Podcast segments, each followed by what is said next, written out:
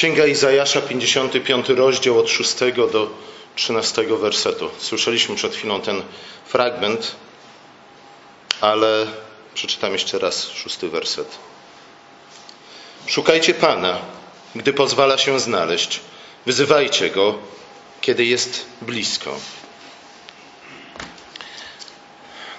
Pewien komentator zwrócił uwagę na to, że te słowa e, przypominają pewną frazę, łacińską frazę, którą wszyscy znamy i według której niektórzy z nas żyją, a mianowicie carpe diem, czyli chwytaj dzień. Prorok mówi: Szukajcie Pana, gdy pozwala się znaleźć. Wyzywajcie go, kiedy jest blisko. Pierwotnie to carpe diem, to chwytajcie dzień. Y, bodajże pierwszy użył go Horacy, który notabene żył niedługo przed Chrystusem. Tak naprawdę chyba umarł rok, zanim Chrystus się narodził. I napisał coś takiego. Chwytaj dzień, bo przecież nikt się nie dowie, jaką mam nam przyszłość zgotują bogowie. Te słowa oczywiście napisał w duchu epikureizmu.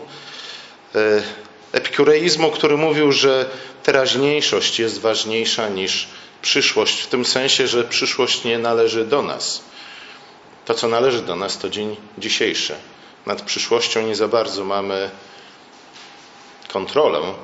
Przyszłości, przyszłości być może też nie zauważymy.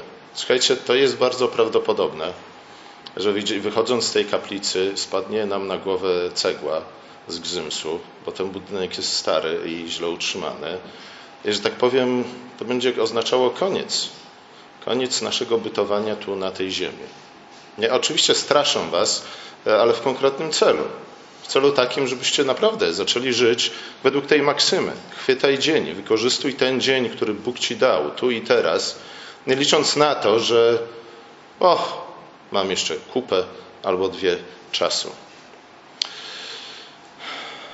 Oczywiście nasze zrozumienie tej maksymy chwytaj dzień, carpe diem y, nie jest dokładnie takie jak u Horacego czy u Epikura. Zresztą e, także w ich przypadku najczęściej mamy do czynienia z niezrozumieniem tego, o co im chodziło.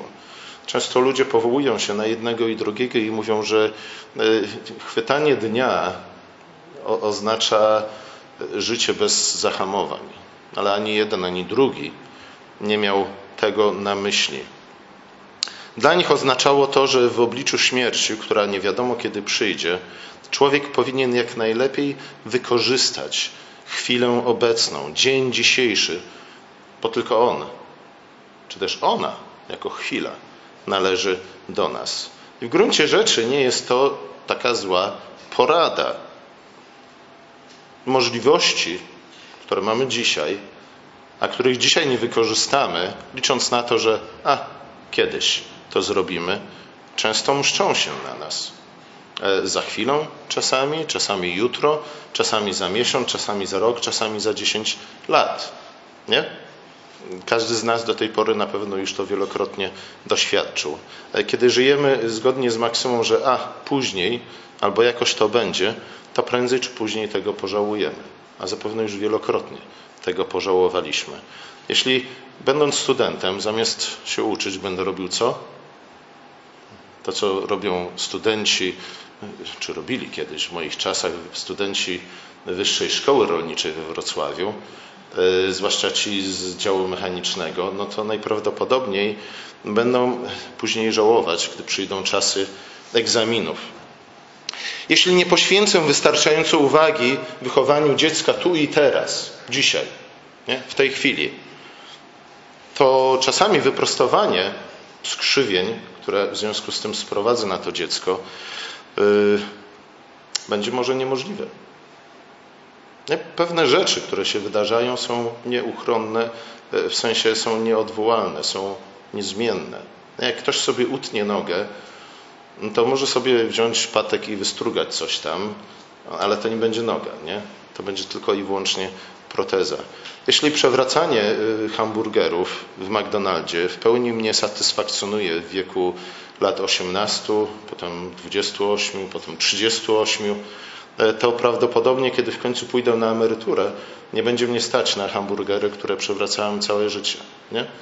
Okazje, które przypuścimy dzisiaj, być może nie wrócą już nigdy do nas. Okazje, które przypuścimy dzisiaj, być może zemszczą się na nas w przyszłości. Prorok mówi o jednej, najważniejszej tak naprawdę okazji, która zdarza nam się w życiu.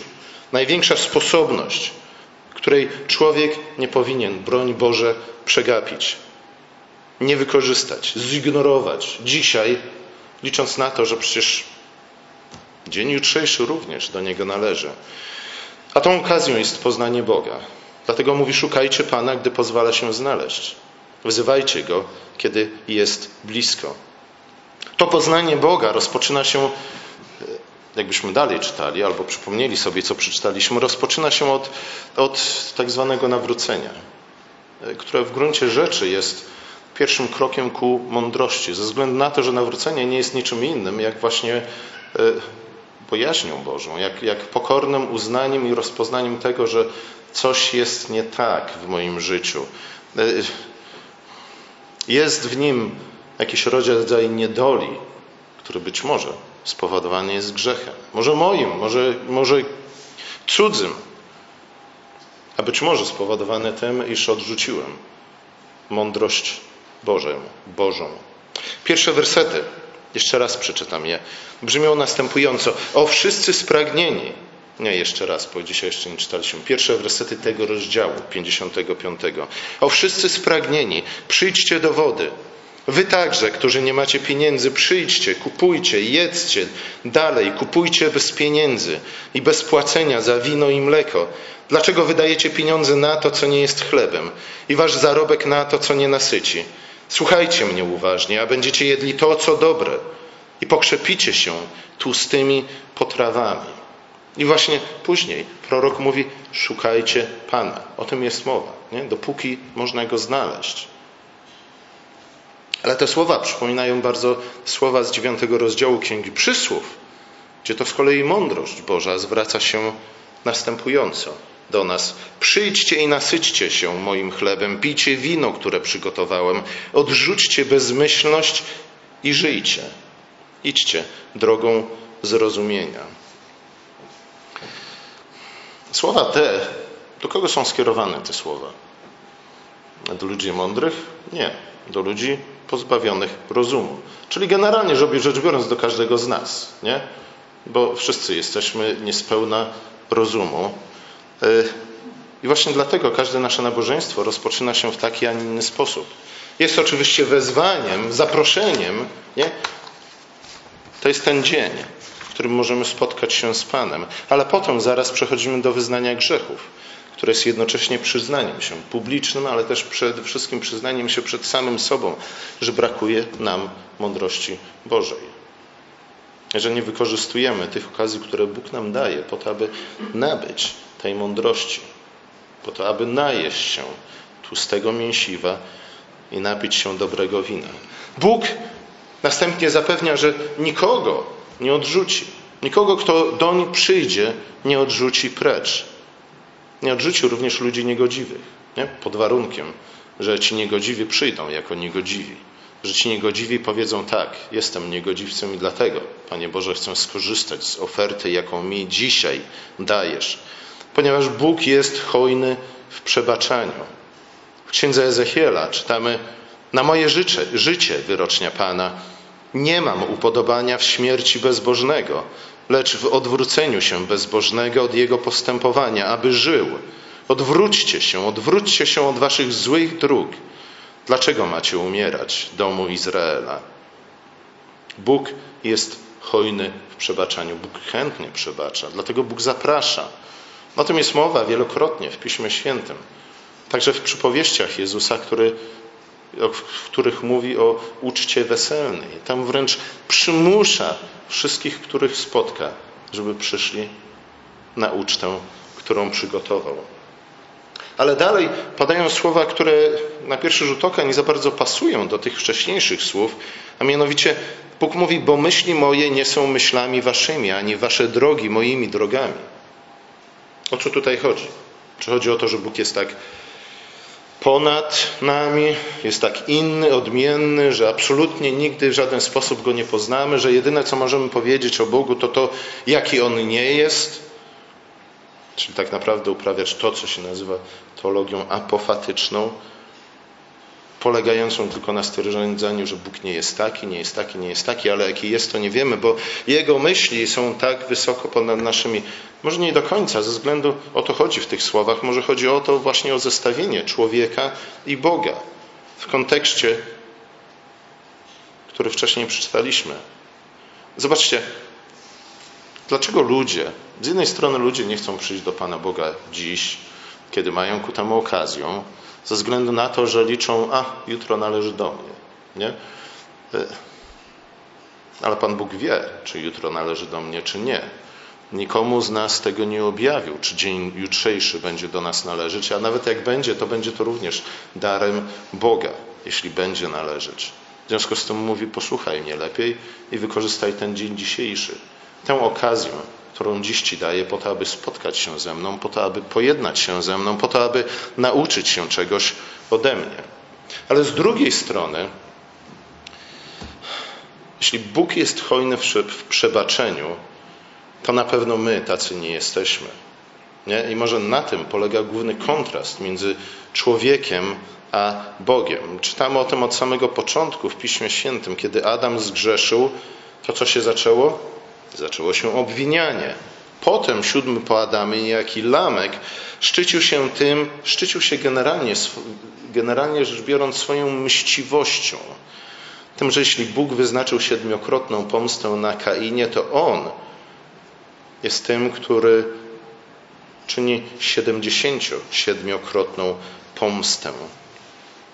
Nosimy w naszych sercach urazy, Jesteśmy ludźmi pamiętliwymi, pamiętliwymi. Oczywiście pamiętamy o cudzych, o krzywdach, które inni ludzie nam wyrządzili, nie o tych, które my im wyrządziliśmy.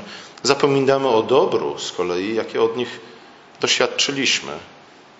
Łatwo przypominamy doznane, a czasami wręcz wyimaginowane krzywdy. Nie? W tym jesteśmy naprawdę bardzo dobrzy. I właśnie w tym przede wszystkim różnimy się od naszego Boga. Nie tylko w tym, że On jest wieczny, a my docześni i, i, i tylko i wyłącznie teraźniejsi, e, ale przede wszystkim w tym, że Bóg jest hojny w przebaczeniu. Nie?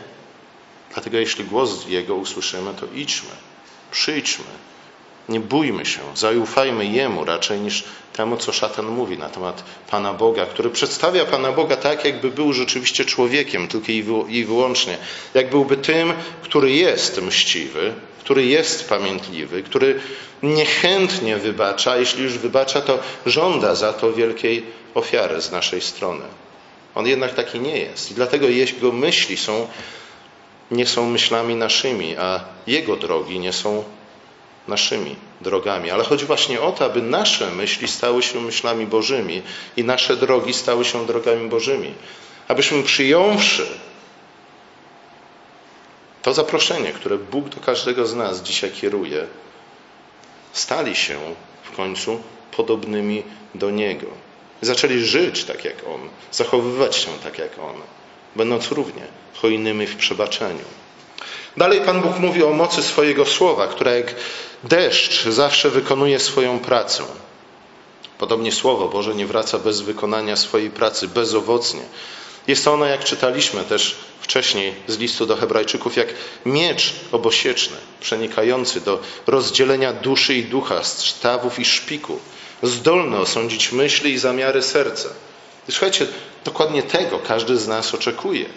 Za każdym razem, kiedy Słowo Boże przychodzi do nas, czy to w postaci tekstu, którego słuchamy albo czytamy, czy to w postaci wykładu, to jest ta, ta okazja, żeby spotkać się z Bogiem, żeby spotkać się z Jego mądrością, żeby poddać się przede wszystkim Jego osądowi, pamiętając, że Jego osąd jest osądem, który prowadzi nas do zbawienia. Jest osądem, który jest częścią ratunku, jaki On nam daje, bo dokładnie tego potrzebujemy, aby miecz Jego słowa przeniknął nasze dusze i oddzielił duszę od ducha, staw od szpiku, osądził myśli i zamiary serca, bo my nie jesteśmy do tego zdolni. Nikt z nas nie jest w stanie dokonać takiej autoanalizy, wgłębić się tak w swoje wnętrze, aby dokonać tego, czego dokonuje Słowo Boże. Nie?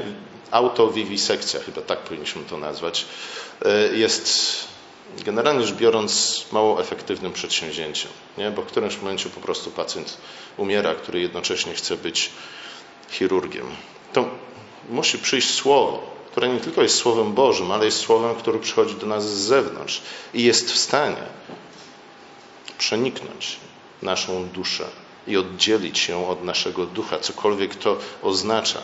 Dlatego potrzebujemy tego słowa, dlatego potrzebujemy, aby wykonało ono swoją pracę, przede wszystkim w nas, na naszych sercach, na naszych duszach, na, nowych, na naszych stawach i na naszym szpiku. Ze względu na to, że to jest, to jest droga do mądrości, to jest droga do życia, to jest droga do dojrzałości, to jest droga do życia wiecznego. Za każdym razem, gdy spotykamy się ze Słowem, to jest to właśnie ta okazja, którą Bóg nam daje, abyśmy wykorzystali. Przede wszystkim do tego, żeby On osądził nas, żeby oczyścił nas i żeby wprowadził nas na ścieżkę mądrości.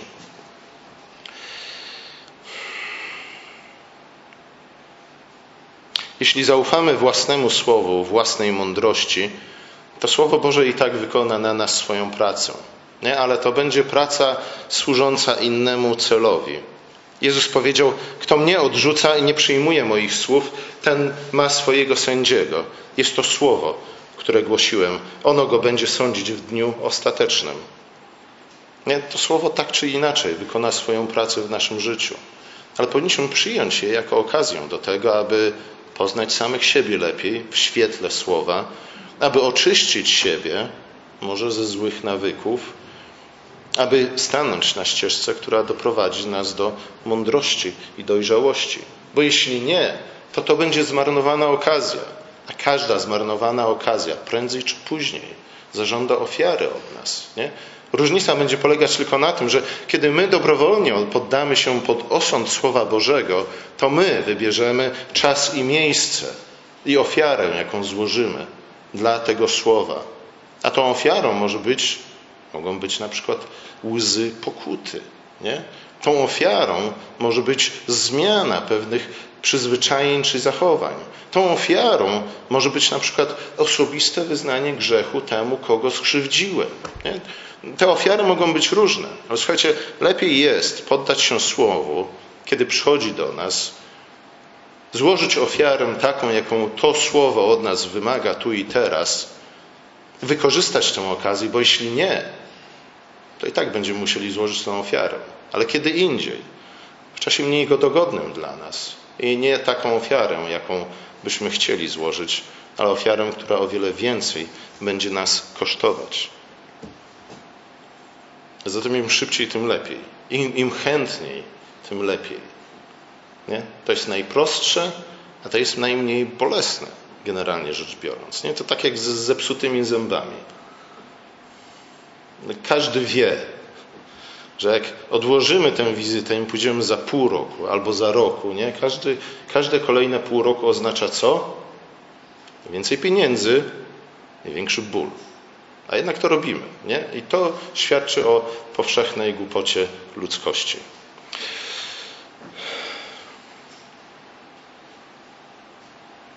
Dzisiaj, jeśli usłyszycie Jego głos, nie zatwardzajcie serc waszych. Te słowa padły w kontekście wyjścia z Egiptu. Te słowa Pan Bóg przypomniał swojemu ludowi w czasach królów. I te słowa przypomina nam autor listu do Hebrajczyków. To jest jednym z naszych głównych problemów, nie? że dzisiaj, kiedy słyszymy Jego głos, zatwardzamy nasze serca, licząc na to, że przecież będzie jeszcze mnóstwo okazji, żeby poddać się osądowi Słowa Bożego.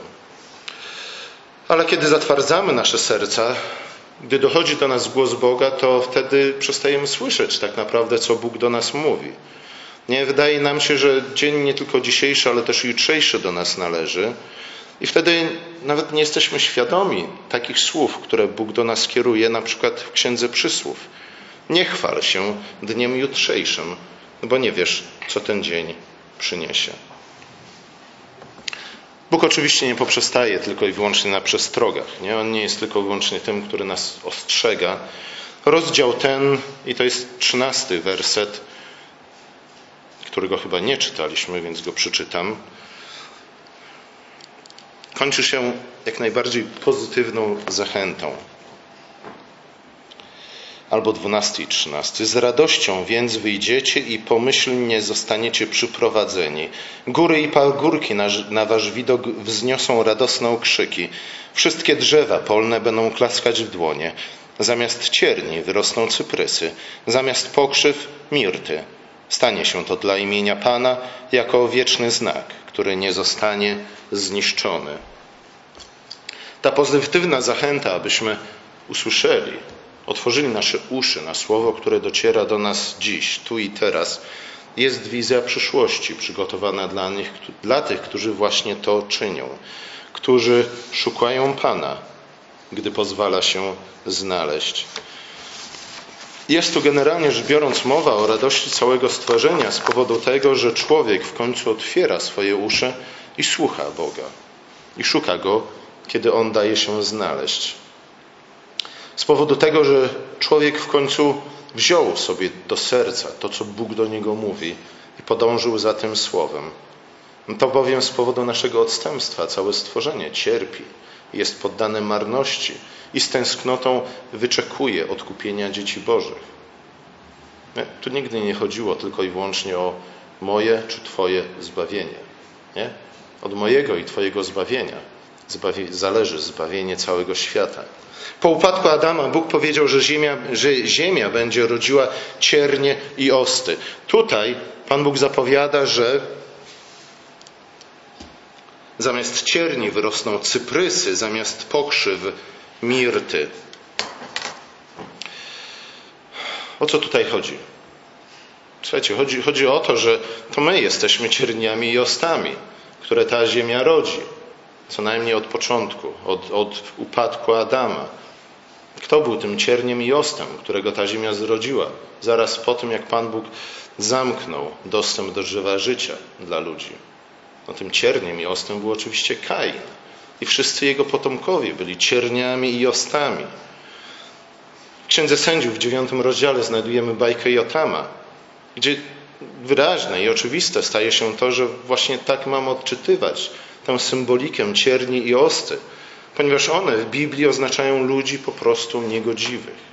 Ludzi podobnych do Kaina, do Lameka i tym podobnych. Teraz prorok obiecuje, że zamiast ciernia wyrosną cyprysy, zamiast pokrzywy mirty. A zatem ci, którzy posłuchają wezwania proroka dzisiaj, ci, którzy dzisiaj będą szukać tego, który dzisiaj chce, abyśmy go znaleźli. Ci, którzy przyjmą ten deszcz Słowa Bożego, który na nich dzisiaj i teraz i tutaj pada, ci zostaną odmienieni przemienieni. Przestaną być cierniami, przestaną być ostami, przestaną być pokrzywami, ale staną się cyprysami i mirtami. Staną się krzewami i drzewami, które są piękne, które są dobre, które przynoszą owoce, które po prostu miło i dobrze jest mieć wokół siebie. Nie? Któż chciałby mieć ogródek składający się z cierni, osty i pokrzyw? Wielu ludzi dokładnie ma taki ogródek ze względu na to, że nic z nim nie robi. Nie? Ale na pewno o wiele milszym jest ogródkiem, z którym rosną cyprysy i mirt. Tylko mirtu nie zapomnijcie schować na zimę do pomieszczenia ciepłego. Słuchajcie, ci, którzy posłuchają wezwania proroka i będą szukać Pana, przemienią się z bezużytecznych krzaczorów i staną się jak drzewa i krzewy, które są miłe, przydatne, piękne, dobre i rodzą dobry owoc. Zatem tak naprawdę słowo, które do nas przychodzi, czy to dzisiaj, czy za każdym razem, gdy otwieramy Pismo Święte albo słuchamy wykładu słowa, jest to, czy chcesz być ciernistym krzakiem, czy raczej cyprysem? Czy chcesz być pokrzywą, czy raczej mirtem? Nie? To jest ten wybór. Bóg zsyła na nas deszcz swojego słowa. Jeśli otworzymy nasze uszy, jeśli usłuchamy, jeśli przejmiemy się tym słowem, to wtedy w naszym życiu zacznie dokonywać się cud. Słowo wykona swoją pracę w naszym życiu, w naszych sercach. Ale jeśli nie, to pozostaniemy ciernistymi krzakami, pozostaniemy ostami, pozostaniemy pokrzywami na zawsze. I naprawdę ani nasi bliźni, ani nasi bliscy, ani nawet my sami w żaden sposób na tym nie zyskamy. Zatem carpe diem, chwytaj dzień. Szukaj Pana, dopóki daje Ci się znaleźć. Dzień dzisiejszy należy do nas. Dzisiaj wykorzystajmy tę szansę, tę okazję, którą On nam daje, żeby ona w przyszłości nie zemściła się na nas. Amen.